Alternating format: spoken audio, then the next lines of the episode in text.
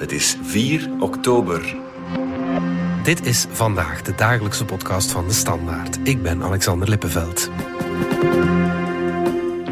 De wielerwereld staat op zijn kop, want Jumbo-Visma en Soudal Quickstep staan op het punt om te fusioneren. De ploegen van respectievelijk Wout van Aert en Remco Evenepoel zijn twee van de grootste teams in het peloton. Maar door sponsorperikelen worden ze toch gedwongen om samen te gaan. Waarom is het zo moeilijk voor wielerploegen om een sponsor te vinden? Wat zijn de gevolgen voor het wielrennen zelf?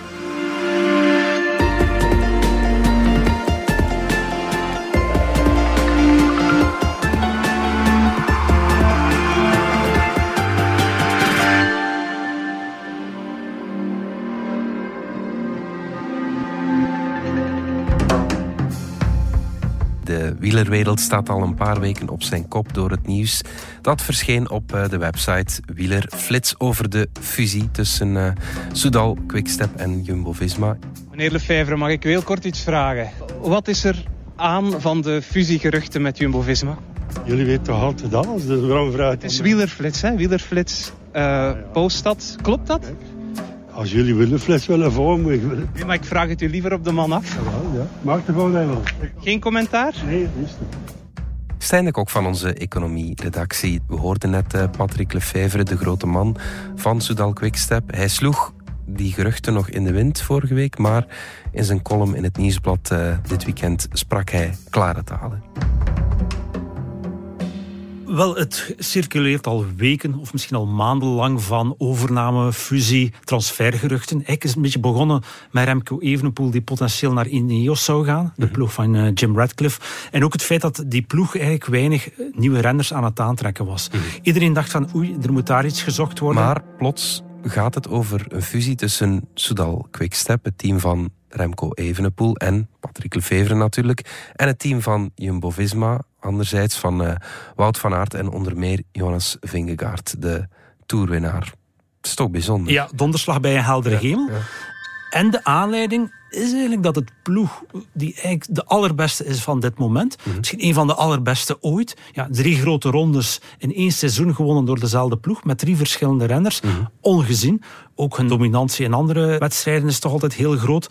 Die eigenlijk niet aan voldoende geld geraakt voor de komende jaren, omdat ze een probleem hebben met een hoofdsponsor. Ja, oké. Dat is eh, Jumbo natuurlijk, de supermarktketen. Waarom beslissen zij om eh, de geldkraan dicht te draaien? Wel, daarvoor moeten we eigenlijk terug naar vorig jaar. Op woensdag 13 september 2022 wordt ondernemend Nederland opgeschrikt omdat Frits van Eert opgepakt wordt bij een huiszoeking in zijn villa in eh, Nederlandse Noord-Brabant. Frits van Eert is eigenlijk wat de wonderboy van de familie van Eert en misschien ook wel een beetje van ondernemend Nederland. Hij, eind jaren 90 was Jumbo eigenlijk een groothandel. Die, die bedeelden eigenlijk andere eh, winkels en supermarkten. En hadden eigenlijk een kleine keten, lokaal, van een aantal Jumbo-winkels. Ja. Frits van Eert wordt daar CEO binnen het gezin. En eigenlijk een enorme sturm und drang met een aantal zeer, zeer grote gewaagde overnames. Vergroot hij dat bedrijf enorm. Van 400 miljoen omzet tot 10 miljard. Ja. Dus een ongeziene prestatie. Dat lukt ook iedere keer, die overnames. Het gaat met schuld, maar ze kunnen ook altijd die schulden afbetalen. En ja, als je dan zo snel groeit, want het zijn andere ketens die ze overnemen en ze plakken daar dan de naam Jumbo op, ja, past daar wel een mooie campagne voor naamsbekendheid. Ja. Frits van Eert is een grote sportliefhebber. In het bijzonder autosport. En hij zegt van, oké, eh, via de sport, ik, ik hou daarvan, man van het volk. Hij heeft ook al een carnavalslied gemaakt trouwens. Weet je wel hoeveel ik van je hou? Want ik ben een echte fan van jou. Ehm, Beetje Zegt- Markoekenfiguur. eh, Ehm, ja, een klein beetje misschien wel. Zegt oké, eh, wielersponsoring. Eerst beginnen ze met eh, Lotto Jumbo, de Nederlandse Lotto. Ja, eerst, ja, Jumbo is eigenlijk de erfgenaam nog van Rabobank en nog een aantal ploegen ervoor. Toen die Rabobank afgehaakt was, was dat een dopingperikelen, stelde die ploeg bijna niks voor. Het is vooral dan Richard Plugge, die eigenlijk met een heel strak plan komt van oké, wij willen het allerbeste team maken. dat is de baas van de ploeg. hè? de, Ja. van de ja, eh, Jumbo-Visma nog altijd. Ja. En eigenlijk Frits van Eert stapt daarin mee. Eh, eigenlijk een, een beetje een andere filosofie van rijden. Meer van, we gaan echt kijken naar renners die misschien wat onderschat zijn. De Roglic pikken ze op, Mhm. Ja. die eigenlijk voor weinig geld eh, komt. Maar met een heel wetenschappelijke aanpak bouwen ze op. En het duurt heel wat tijd voordat ze keer eh, winnen. Maar dan met Dylan Groenewegen, Roglic, beginnen ze uh, een eerste wedstrijden te winnen. En gaat het beter en beter. En dan komt er de grote kapitaalinjectie. Zegt Jumbo, oké, wij worden nu de eerste sponsor. Ja. En dan, ja, het gekende verhaal. Wout van Aert komt ook, met Vinegaard. Ja, dan winnen ze alles. Mhm. En in totaal stopt Jumbo een 20 miljoen euro in sportsponsoring. Onder andere ook Max Verstappen mhm. wordt ook mee uh, gesponsord. Je hebt het wielerteam, er zit ook een schaatsteam bij. Mhm. Maar wat gebeurt er eigenlijk na die politieinval? Frits van Eert wordt eigenlijk verdacht in een witwasoperatie rond autosport. Hij is daar met een aantal nogal ja, eh, dubieuze figuren die hij half sponsort, vreemde constructies. Mhm. En ja, heeft te veel boter op zijn hoofd en kan eigenlijk niet meer aanblijven als CEO. Okay. In hetzelfde jaar, een paar maanden daarna, sterft ook nog eens de vader van de Van Eerts. Zijn het eigenlijk de twee zussen van Frits, Colette en Monique, die eigenlijk de macht krijgen in het bedrijf en met een externe CEO gaan ze eigenlijk eens met de kam door het bedrijf. En zeggen ze, ja, oe, die 20 miljoen euro in die sportsponsoring, dat is wel heel veel geld. Ja. Zelf voor een bedrijf dat 10 miljard euro omzet draait. We hebben eigenlijk al het gunstige effect gehad. Ja, onze naam is nu heel bekend in Nederland. Al wat in België was, ze zoeken ook uitbreiding naar België. We stoppen ermee. En hoeveel geld steken ze dan in het wielrennen zelf? Exacte bedragen kennen we niet, maar het zou ergens tussen de 10 en 15 gaan. Maar het is ook wat moeilijk te zeggen, omdat er ook onrechtstreeks van hen geld in zit. Ja, het is een van de grotere sponsors in het wielrennen. Hè? Zeker op commerciële basis is het eigenlijk zowat de grootste sponsor. Ja, ja en met commerciële basis bedoel ik een bedrijf die geld in het wielrennen stopt en daar eigenlijk wel een commerciële return van verwacht die ja, zich ook manifesteert. Jumbo gaat dus op zoek naar een nieuwe sponsor na die uh, inval. Het is toch tot eind uh, 24 dat ze de tijd hebben. Maar ze vinden die niet, hoewel het gouden tijden zijn. Waarom is het dan zo moeilijk? Wel, er zijn uh, meerdere redenen natuurlijk waarom het moeilijk is. Misschien eerst, ze vinden, wordt gezegd, wel mogelijk geld. Okay in Saudi-Arabië. Dat is niet het geld dat ze willen. Dus, ja, als je Saudi-Arabië zegt, niet iedereen staat daarvoor te springen. Zeker ja, andere uh, nevensponsors. Een Visma. Visma is een softwarebedrijf, blijft normaal wel aan boord, wilt misschien zelf meer geld erin stoppen. Ja, ook door een vrouw geleid. Dat is een van de machtigste vrouwelijke CEO's in, in Techland. Ja, dat die dan naast een, een, bedrijf staat dat door de Saoedische staat gesponsord wordt. Ja, dat ligt wel wat moeilijk. Mhm. Dus ja, die piste wordt afgeschreven, moeten ze verder op zoek. Een van de grote problemen waarom het moeilijk gaat. Enerzijds heb je eh, de concurrentie van een aantal ploegen die financieel gedopeerd worden. Okay. Het zijn ploegen die eigenlijk door vooral petrodollars gesponsord worden. Zoals UAE, waar Pogacar in zat, United Arab Emirates, ja. Bahrein en Astana. Die zijn eigenlijk echt wel gelinkt aan petrodollars, waar eigenlijk het idee van de sponsoring niet een commerciële return is, maar ja, sportwashing wordt gezegd van we willen ons uh, land op de kaart zetten. Ja. En, ja, en als je miljarden per jaar verdient aan, aan de verkoop olie, van ja. olie of gas, ja, dan maakt zo 10, 15 miljoen euro meer of minder niets. Het is een sport waar je dan, ja, als je dat, dan, dat geld legt, en ja, je voelt het nauwelijks voor zo'n land. Ja, en je hebt dan direct wel een mooie ploeg. Met hetzelfde bedrag in het voetbal ja, kom je wel nog, nog niet echt ver. Dus ja, voor hen is het aantrekkelijk. Je hebt dan nog de categorie van de miljardairs. Jim Radcliffe met Ineos. Ja. En dan heb je ook nog Sylvain Adams, die Israel Premier Tech. Dat is ook een miljardair. Ja. En die ook, ja, die ja, die hebben toch meer dan genoeg geld voor hun eigen en, en voor hun eigen leven. Dus ja, steek je dat in mecenaat, steek je dat in, in sport, steek je dat in, in een of ander politiek iets. Dus ja, zij moeten ook niet op, op 5 miljoen meer of minder kijken. En bijvoorbeeld een Jim Radcliffe is zelf een enorme sporter. En dat is de rijkste man van, uh, van, Van Engeland, dus het trekt hem ook wel aan. Eh, nadeel natuurlijk van die grote bedragen is dat zij voor hun toppers enorme bedragen en ook hun helpers hele grote bedragen kunnen geven. Er wordt gezegd, Pogacar zou 6 miljoen krijgen van UAE. Zelf een Chris Froome, ja, volledig afgeschreven, Ja. heeft 5,5 miljoen euro bij Israel Premier Tech. Ja, dat zijn enorme bedragen waar dan ja, die andere ploegen die op een commercieel schema moeten werken, ja, worden ook automatisch verplicht om hun budgetten enorm op te trekken. Eh, om dan toch ja, hun toppers 3, 4 miljoen euro per jaar te kunnen betalen. Ja, er is misschien nog een reden dat het eh, verleden, de wielerwereld is natuurlijk lange tijd geplaagd geweest door doping. Eh, Schrikt dat bedrijven ook af? Ik denk tot voor kort zeker wel. Ehm, ja, je, je komt uit toch wel nog niet zo heel lang geleden, toch een zwarte periode, waar toch ook heel wat dopingschandalen waren voor een bedrijf die dan zegt van ik associeer mij dan met, de, met het wielrennen en dan kom ik ja, heel negatief in beeld, dan Mhm. doe ik het ook niet meer. Je hebt dan eh, toch een paar grote namen gehad, want in de jaren 90 had je eigenlijk wel die multinationals veel meer in het wielrennen als een Deutsche Telekom, US Postal, Rabobank, die allemaal één voor één zijn afgehaakt en ook niet meer gaan terugkomen. Dus ja, dat dopingverleden speelt dan natuurlijk ook mee. En dan vooral, als je alles bij samentelt, ja, nu een hoofdsponsor van een ploeg als Jumbo-Visma, je moet het minstens voor 10 à 15 miljoen euro doen. En dat is echt wel veel ten opzichte van het, de return dat je er kunt uitkrijgen. Het is ook niet de meest mondiale sport. Stijn, in Vlaanderen bij ons is het de grootste sport, maar in de rest van Ja. de wereld. eh, is dat is inderdaad dus de bedrijven die daar 10, 15 miljoen insteken. Ja, het is op wereldvlak ergens de 13e à 15e sport. Ja, je moet al in een heel specifiek iets zitten om te zeggen van ja, dat haalt mijn merkbekendheid enorm en daardoor verkoop ik veel meer. ja, als je maar ja, in de Benelux heel populair bent, Frankrijk en Italië ook, maar daar is de belangstelling wat aan het minderen. Spanje is misschien stabiel. Wat je ook wel wat hebt op dit moment, er zijn weinig goede renners uit grote landen. Eigenlijk de allerbesten komen ofwel uit België of Slovenië. Ja. Het zijn natuurlijk En heel een kleine afspraken. Denen, een Nederlander. eh. Dus ze, komen allemaal uit, uit kleine landen. En, Ja. en wat dat je heel hard ziet, bijvoorbeeld, ja, toen Lance Armstrong nog onbesproken was, ja, de populariteit die hij had in Amerika. Ja. Die verdiende bijvoorbeeld maar 2 miljoen dollar van zijn ploeg van US Postal. Maar die haalde 20 miljoen er nog eens uit. eh, eh, persoonlijke reclamedeals met Nike. Ja. Iedereen, ja, dat was een fantastisch verhaal. En gele armbandjes. Ja, tot dat doorprikt werd. Maar, maar ja, dan, eh, dus daarom is het misschien zelf goed dat, en, en misschien dat het ook meegespeeld heeft, dat men in de ronde van Spanje Sepp Koes heeft laten winnen, want het was nog eens een Amerikaan. Ja. En dat is echt iets heel anders. In de jaren 90 had je ook, ja, het was een Ulrich tegenover Armstrong. Ja, Ja. Dan een renner uit het grootste Europese land. Duitsland, ja, ja. Tegenover Amerika. Ja, nu spreken we over eh, Denemarken versus Slovenië. Dat, Ja. Ook voor sponsors is dat een, iets helemaal anders. Hopelijk binnenkort eh, een Belg eh, in de Tour daarbij. Maar goed,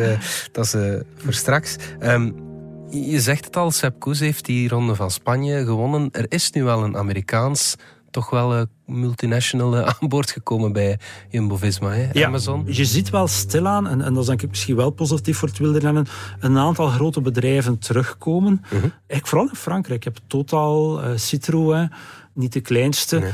Ook Lidl, de Duitse discountketen, is eigenlijk van eerst zij sponsor bij Quickstep. Mhm. Zij zijn eigenlijk nu hoofdsponsor van Lidl Track.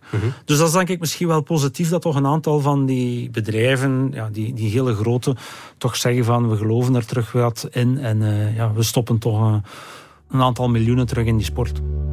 En zo'n bedrijf als Visma, een IT-bedrijf, wat, wat, wat zit er voor hen in dan? Wel, naast een aantal van die grote bedrijven die voorzichtig gaan terugkomen zijn, zie je eigenlijk de laatste jaren bedrijven die business-to-business bezig zijn, zoals dat heet. Dus zij verkopen niet rechtstreeks aan consumenten. Je gaat ze niet in de winkels vinden. Maar die willen toch wel redelijk wat geld in de koers steken. Je hebt Visma, een softwarebedrijf. Je hebt in het vrouwenwielrennen natuurlijk SD Works, eh loonadministratiebedrijf. ploeg daar, Ja. Eh, een DSM die vitaminesupports maakt, maar Ja. eigenlijk ook niet rechtstreeks verkoopt. We hebben Destiny, ook een softwarebedrijf. Waarom steken die wel ja, 5 à 10 miljoen euro in het wielrennen? Omdat dat eigenlijk wel past bij een bedrijfsfilosofie. Dat zijn snelgroeiende bedrijven. Zij moeten eigenlijk geen reclame maken rechtstreeks naar de consument, maar die willen ergens ja, een brand intern, want zij zijn ook op zoek naar mensen, ja, de, ook de war for talent, maar ook extern naar klanten, een soort ja, een storytelling hebben. Da- Ja, Daar ja. past het in. Ja. En dat heeft dan het wielrennen, denk ik, wel nog altijd als misschien voor op voetbal en andere sporten. Het heeft iets heel avontuurlijks. Ja, het, is, ja. het is treist. Het zijn ook vaak heel avontuurlijke mensen. Meer en meer, misschien meer dan vroeger. Ze zijn ook veel wel bespraakter. Veel meer renners die ook gestudeerd hebben. Ja. En Visma, die, ja, die groeit razendsnel via overnames. Ook vorige week nog in Gent grote overname gedaan. Ja, om, om dan die brand te smeden, ja, dan past die wielersponsoring Ja. daar wel bij. Dat, dat avontuurlijke wielrennen. De heroïek van de coureur. eh. Ja. Straks kijken we naar de ja, fusie die hangende is tussen Jumbo-Visma en eh Soudal Quickstep. Maar eerst gaan we er even uit voor reclame. Stop. Wie zit er nog met vragen? Vragen als elektrisch laden, hoe doe ik dat eenvoudig? Slim? Voordelig? Ontdek al onze laadoplossingen op maat. Want bij Engie willen we dat iedereen mee is. Engie, Al onze energie gaat naar jou.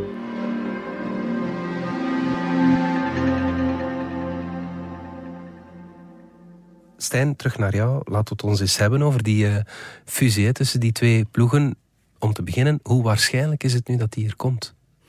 Wel, op dit moment lijkt het er toch heel sterk naar. Als je alle geruchten bekijkt, dan ja, is er toch zeker heel veel van aan. Zijn die plannen zeer concreet? Mhm. Wat het nog kan tegenhouden is natuurlijk dat ze op een aantal ja, praktische bezwaren sluiten. Het kan ook zijn dat het misschien niet voor dit jaar is of volgend jaar, maar zeggen dat het toen het op Wielerflits uitlekte, uh, goed een week geleden was het nog van een halve kwakkel. Mhm. Ja, dat is het absoluut niet meer. Dus er is heel veel rook. En ja, misschien dat men toch nog finaal toch nog een extra sponsor eh, uit de hoed komt of dat het te complex is dat het niet doorgaat. Maar alle waarschijnlijkheid is dat het uh, er wel degelijk komt. Ja, hoe is die toenadering er gekomen tussen beide ploegen? Wel, uh, het komt eigenlijk, en, en dat is misschien ook wel wat pijnlijk voor Patrick Lefevre, was het altijd het gezicht van, van, van de ploeg, de oprichter. Mm -hmm. Hij is ja, begonnen in de tijd als ploegleider met Mampij, met ja. die typische Vlaamse voorjaarskern, met eerst Johan Museeuw, dan Tom Bonen, heeft de Wolfpack ja, dat het wellicht einde verhaal wordt. En het komt eigenlijk omdat Patrick Lefevre al heel lang geleden ja, de meerderheid van zijn aandelen in zijn ploeg verkocht heeft aan uh, Bakala, een rijke Tsjech. Ja. En die heeft eigenlijk samen met, met eigenlijk de pluggen en de, eigen, en de mede-eigenaar van team Jumbo-Visma, hebben die min of meer besloten van ja, misschien is een fusie wel interessant om dat team Jumbo-Visma geen grote nieuwe sponsor vond. Mhm. Patrick Lefevre of het team Quickstep Soudal heeft eigenlijk twee sterke troeven. Mm Eén, ze eigenlijk aan min of meer een financiering rond tot 2027. Ze hebben wel een paar grote sponsors aan boord. En ze hebben Evenepoel voorlopig nog. Ja, ja, ja, ja, inderdaad. Ja. Eerst dat eerste element, die sponsors. Ja. Soudal is, is daar de belangrijkste naam vandaag. Ze zouden ook de hoofdsponsor worden van de nieuwe ploeg. Ja, wat voor een bedrijf is dat? Om te... Wel, Soudal is een uh, ja, bedrijf dat in België snel gegroeid is en maakt lijmen. Is ook zo'n typische doe-het-zelver die je wel nog veel in het wielrennen vindt. Mm -hmm. Quickstep is daar ook een van. En dat werkt blijkbaar vrij goed als sponsoring. Dus dat zijn producten die nu niet zo vaak gekocht worden, maar die wielersponsoring helpt dat ze in alle doe-het-zelvers van Europa liggen. Ze kunnen daar al een keer de verantwoordelijke voor de aankoop van zeg maar Spanje. Ze nemen die dan mee in de, de ronde van Spanje in de volgwagen. Mm -hmm. Dus hey, bijvoorbeeld de Quickstep die is nog altijd zeer enthousiast over een wielersponsoring en zegt dat dat heel goed werkt. Mm -hmm. uh, dus, dus dat is, dat is zo echt het type bedrijven, denk ik, waar dat wielersponsoring voor werkt. Wat helpt natuurlijk ook, het is een campusbedrijf. Mm -hmm. En Wout van Aert is, Wout ook, van Aert is ook van de Kempen. Ja. Dus ja, dat is ook wel een heel mooie match. Uh, want vergeet ook niet, en dat is ook bijvoorbeeld weer een quickstep die dat ook doet. Vlaanderen is wielerzot. Mm -hmm. En Vlaanderen heeft een enorme krapte op de arbeidsmarkt. Dus een bedrijf dat met uh, Yves Lampaard of Wout van Aert kan uitpakken ja, naar een sollicitant, is dat wel leuk in de fabriek van Wout of, of, of, van Yves te gaan werken. um, en ja, dus, dus dat, dat, helpt wel dat je toch gemakkelijker ook in België vrij veel sponsors vindt voor dat verhaal. En zeker als je zo aan de doe-het-zelf sfeer zit. Ja, De Keuning is ook zo in. Ja. Dus ja, Soudal, wat ook nog eens helpt van Soudal, heeft maar eigenlijk één aandeelhouder, Victor Swerts, okay. Die ook al wat gestund heeft door mede-aandeelhouder te worden van Studio 100. Ah ja, okay. Dus ja, hij houdt wel een beetje, denk ik, van dat soort risico. Ja, uh, dus hij is zo'n fusie wel genegen ook? Wellicht ja. wel. Uh, allee, we weten er ook niet fijne van. Maar voor hem zou het denk ik wel passen. Van, ja, dan is hij meteen hoofdsponsor of tweede sponsor van uh, een team met Wout van Aert, met Jonas Vingegaard. Toch nog altijd de grootste kans hebben om nog eens de Ronde van Frankrijk te winnen. -hmm. En mogelijk Remco Evenepoel. Dus ja. dan heb je wel van het standpunt van Soudal wel, wel een, een mooie ploeg. Ja, maar Remco Evenepoel, laat ons eerlijk zijn, zal die bij die ploeg terechtkomen uh, als tweede viool dan? Dat lijkt mij ook wel onwaarschijnlijk, het karakter van Remco Evenepoel kennende. Mm -hmm. Ja, daar blijven toch de geruchten wel hard dat hij richting Ineos zou willen gaan. Zo'n fusie zou natuurlijk ook wel ook juridisch het makkelijker maken wellicht. Want ja, in principe, als hij naar Ineos zou moeten gaan, zou Ineos een grote contractverbreking moeten betalen. Want hij legt nog drie jaar onder contract. Dus dat werd op 6 miljoen euro geschat. Mm -hmm. Misschien is er ook gepraat geweest met Jim Radcliffe. Er zal denk ik ooit met hem gepraat zijn. Maar is dat zelf een deel van het verhaal. Want ook bij Ineos zitten er nog altijd heel veel vakante plaatsen uh, voor volgend jaar in het team. Er zijn nog weinig, niet zo heel veel renners onder contract. Gaat Ineos toch een deel van het team overnemen, een kern rond Evenepoel? het, zou kunnen. Mhm. Wat dan nog eens meespeelt, eh, ook de uh, puzzel heel moeilijk maakt, zijn nog een keer de fietsconstructeurs. Want die zijn ook steeds belangrijker in de sponsoring van die ploegen. Mhm. Die hebben soms banden of persoonlijke contracten met de renners. Evenepoel zou een contract hebben met Specialized. Mhm. Maar team Jumbo-Visma rijdt met Cervelo. Cervelo is eigendom van Pon Holdings, wat een heel rijke Nederlandse familie is. Mm Cervelo zet zich ook net als Specialized als high-end in de markt. En dan hoort het er wel bij, eigenlijk ben je het verplicht aan je status om een topteam te sponsoren. Mhm. ja, als Specialized, wat nu wordt gezegd, de sponsor zou worden van het fusieteam, ja, wat dan is het, wat dan met Cervelo, dus ja, die, die hebben dan opeens geen ploeg meer. Wat die denk ik heel nadelig zouden vinden. Dus... Mhm. Ehm, ik had ook uh, de mensen van Quickstep aan de lijn. Ja, die, die waren ook heel nadrukkelijk van wij blijven hoofdsponsor, we hebben contract. Uh, Wij willen op een shirt blijven staan, in de naam zitten. Je kan ook geen naam maken met, met een uh, ploegnaam met vier namen. en dan natuurlijk moet er ook heel wat, zal er personeel overbodig zijn, want die teams hebben ook enorme equipes tegenwoordig. Want dat maakt eigenlijk ook die budgetten duurder. Ja, als je eens kijkt bij het team Jumbo, Visma, kan je op de site zien wie dat daar allemaal voor werkt. Dus niet de renners. Mm ja, dat is een, denk ik, bijna een kleine honderd man die daarop staat. Ja, Misschien niet allemaal fulltime aan het werk, maar ja, verzorgers, diëtisten, dokters, uh, trainers, chauffeurs. Het is een mechanicien, ja, enorm groot team. Nu, als je die twee teams samengooit, heb je dan eigenlijk bijna ja, één team overbodig. Dus dat is ook al aan aan slaggelden. Gaat dat al heel veel geld kosten.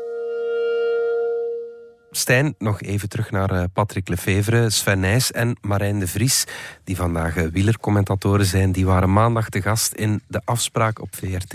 En Sven Nijs zei daar het volgende heel dat verhaal, en daar kan je dan voor zijn of tegen, de persoon Patrick Lefevre, die denk ik voor de wielersport enorm veel betekend heeft, heel veel mensen fantastische dingen heeft laten presteren, uh, heel veel mensen ook een job heeft gegeven, die dan aan het einde van zijn carrière op zo'n manier de wielersport gaat verlaten. Uh, dat vind ik ook op zich wel jammer, want hoe je het ook draait of keert, hij heeft wel een enorme stempel gedrukt op het mm. wielrennen de afgelopen 20, 25 jaar.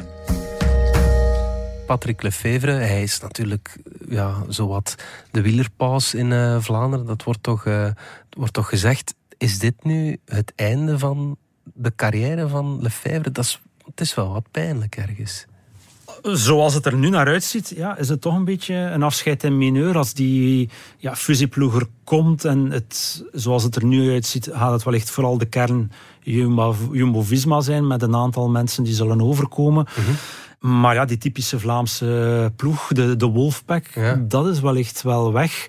Natuurlijk was het misschien al de laatste twee, drie jaar ook al wat minder en hadden ze al de boot gemist. Hè. Mhm. Je hebt in het wielrennen een heel duidelijk een richting dat we ook zien de laatste jaren. Het zijn vijf, zes renners die ontzettend veel winnen. Mhm. Als je die mensen niet in je team hebt, heb je een probleem. Hij had eigenlijk wel een van die mensen. Ala Philippe, maar Ala Philippe is niet meer zo goed. Remco Evenepoel ja, als die niet blijft, of, of, of al misschien al heel lang had beslist dat hij wegging, dan zag je ook dit jaar, ja, zonder de, de prestaties van Remco Evenepoel, zou het maar een heel mager jaar geweest zijn mhm. voor zijn ploeg. Je kan ook misschien zeggen van, is het niet ja, de, de, de, zijn aanpak een beetje voorbijgestreefd? De, de heel wetenschappelijke aanpak van bijvoorbeeld een team Jumbo. Mhm. Ja, het eh, legt toch enorme eh, mooie prestaties voor. Ja, hoe, hoe dat die mannen trainen, hoe dat eigenlijk alles tot in details geregeld is ja, dat is misschien wel het nieuwe wielrennen. En ergens had die ploeg dan misschien gemist. Ja, er was ook een paar weken geleden nog de uitspraak van Patrick Evenepoel, de makelaar en vader van Remco Evenepoel, die toch nogal vrij hard was voor het team Soudal Quickstep. Juist naar die professionaliteit, het materiaal, manier van, van trainen. Ja, VRT Nieuws belde in augustus nog met uh, vader Evenepoel. Hij kon toen al niet verzekeren dat zijn zoon volgend jaar nog bij Soudal Quickstep zou rijden kijk gewoon de naam van Remco. Uh, ja, die wil het liefst bij al bij Quickstep blijven. Bij zijn vrienden, bij zijn ploeg. Maar als hem daar zijn doelstellingen door een bepaalde reden niet meer kan halen, dan zal hij zelf wel conclusies trekken. Hè? Hij heeft een beetje eh, afgezwakt nadien, eh, Patrick Evenepoel. Maar ja. er zat wellicht wel een kern van waarheid in. Ja, als je nu wil meedraaien aan die absolute top, is het misschien niet meer de manier van werken zoals ze nu bezig zijn. Ja, oké. Tot slot, Stijn, dit hele verhaal, kan dat nu positief uitdraaien voor het wielrennen of net niet? Ik denk, het is wel moeilijk. Er zijn verschillende kanten aan. Denk, als we het nu gewoon met onze Vlaamse bril bekijken, vinden we het natuurlijk jammer. Hè? Die, die Wolfpack, die, die ploeg van Tom Bonen, van Johan Museeuw, Mhm. die er niet meer is. Die, ja, al die mensen, die entourage daar rond. Anderzijds is het misschien ook wel niet slecht dat, dat er een soort herverdeling van talenten komt. Wat we in de Vuelta gezien hebben, ja, drie renners van dezelfde ploeg die daar eigenlijk ja, zo dominant zijn. Het is denk ik een goede zaak dat Roglic in een andere ploeg gaat zitten. Ja, het zou misschien eh, ook niet zeker, slecht zijn ja. als Evenepoel, ook Ineos gaan we misschien... Allee, voor de neutrale koersliefhebber wordt het misschien wel mooi met verschillende ploegen. Maar eh, ik denk voor de Vlaamse wielerliefhebber is het wel ja, een ploeg minder, zo'n typische Ja. voorjaarsklassieker ploeg.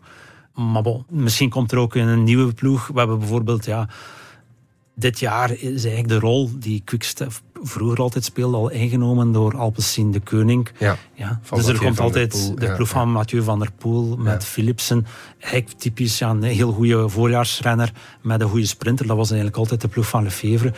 De gebroeders Roodhoofd hebben nu eigenlijk de, eh, de rol van Lefevre wat overgenomen. Dus Ja. het komt en gaat. Dus ja, Ja. er zal ook wel iets nieuws komen. De ik. is opschudden, het eh, kan tot iets moois leiden.